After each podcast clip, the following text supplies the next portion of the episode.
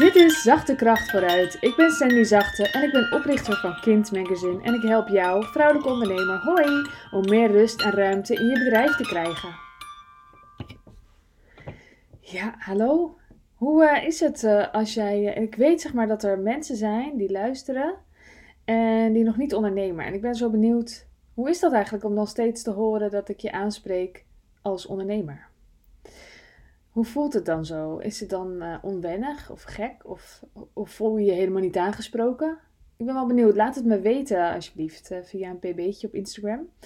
Ik ben te vinden onder Zachte. En dan ga ik nu beginnen. Ik had een luisteraarsvraag. Ik moet er nog steeds een beetje aan wennen om niet te zeggen lezersvraag. Luisteraarsvraag. Iemand vroeg mij: wat doe je als je iets anders wilt, maar wat je doet is waardevol? Wat doe ik met mijn schuldgevoel? zij is docent en uh, ze voelt dat ze heel erg waardevol is voor haar leerlingen. En, maar ze wil het helemaal niet meer. Dus ja, wat doe je dan? En ik vroeg haar: Denk je dat wat je gaat doen niet waardevol is? Denk je dat je iets waardelozers gaat brengen in de wereld? Ze wist nog niet zo goed wat ze wilde gaan doen. Er kwam echt uh, van alles langs, elke dag wat anders. Maar uh, ik zag daar niet één optie in staan die uh, waardeloos was. Wat zou eigenlijk een waardeloos beroep zijn? Hmm, ingewikkeld. Ik weet het niet zo goed, ik kan niet eens een voorbeeld noemen. Interessant. Hmm. Maar weet je, ook als je niet in de zorg werkt of in het onderwijs, geef je waarde. Dus ook als je bijvoorbeeld iets gezelligs doet. Stel je voor dat je helemaal niet uh, um, iets maatschappelijks gaat doen of zo. Dan kan je bijvoorbeeld, uh, misschien wil je kunstenaar worden of zo. Of uh, misschien wil je graag de hele dag gaan kleien. Ook als je gewoon iets gezelligs gaat doen. Ik weet niet of kleien dat is. Maar stel dat jij iets in je hoofd hebt waarvan je denkt: ja, maar dat is echt veel minder waardevol. Ook als je iets gezelligs gaat doen, breng je waarde. Kan je waarde brengen in ieder geval. Humor is ook waarde. Ik bedoel, ik kijk heel graag naar uh, een voorstelling waar ik ontzettend hard om moet lachen. Ik maak ook zelf graag uh, grappige dingen. En ik weet ook dat ik mensen daar iets fijns mee bezorg. Dat is toch ook waardevol?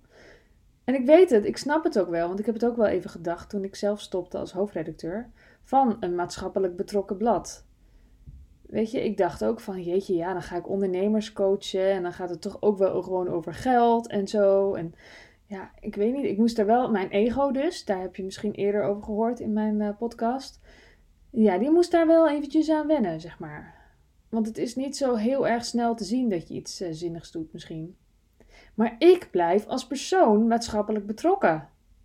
Ik blijf altijd een maatschappelijk betrokken mens, al ga ik uh, lampjes ophangen de hele dag. De hele dag lampjes ophangen. Gloeilampen ook nog. Ik blijf een maatschappelijk betrokken persoon. En ik weet ook dat ik, dat ik het daarom ook zo leuk vind om impact te maken. Om meer invloed te hebben. Omdat ik weet dat ik het helemaal eens ben met mijn eigen visie op de wereld. En ik wil graag meer van mijn visie uh, in de wereld terugzien. Ja, heb jij dat ook? Nou, ik heb het wel in ieder geval. Dus al doe ik dat met gloeilampjes indraaien, ik wil daar, ik wil daar iets mee. Dus dat drijft mij. En dat maakt ook dat ik gewoon maar doorga met gekke dingen doen en slechte podcasts opnemen en zo met rare muziekjes. Dus ik ben ook benieuwd uh, ja, hoe jij daar naar kijkt en of jij uh, zelf daar ook schuldgevoel over voelt als je iets anders gaat doen wat misschien uh, minder betrokken voelt.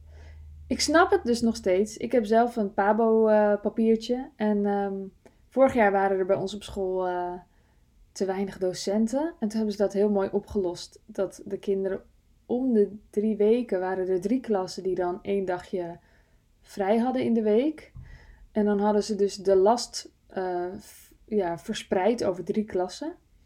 Uh, toevallig zaten in twee van die drie klassen zat een kind van mij, dus ik had het dan twee keer. Maar goed ik vond het een mooie oplossing, maar vooral voelde ik wel schuldgevoel. Want ik dacht, ik heb dat papiertje, dus ik zou dit kunnen doen.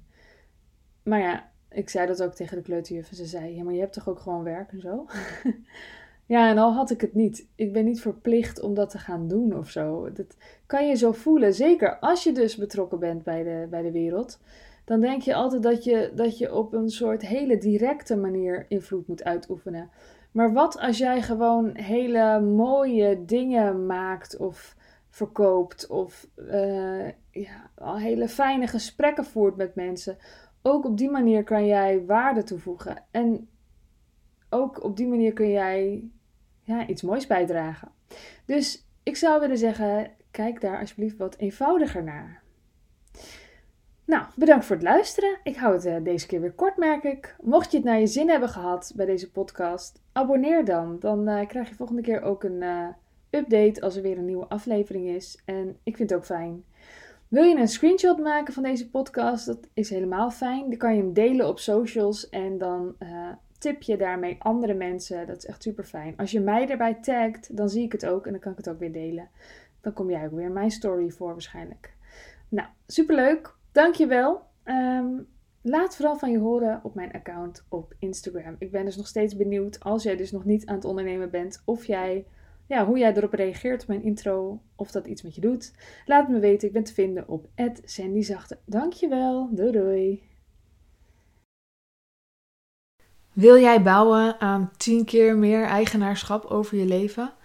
Wil je dat door middel van zelfvoorzienend leven in het kleinste zin van het woord, ondernemerschap en persoonlijk leiderschap?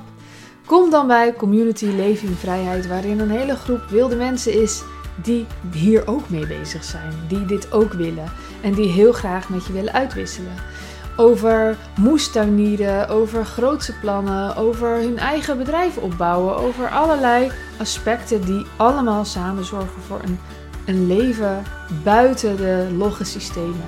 Ga naar wildemens.nl als je erbij wilt.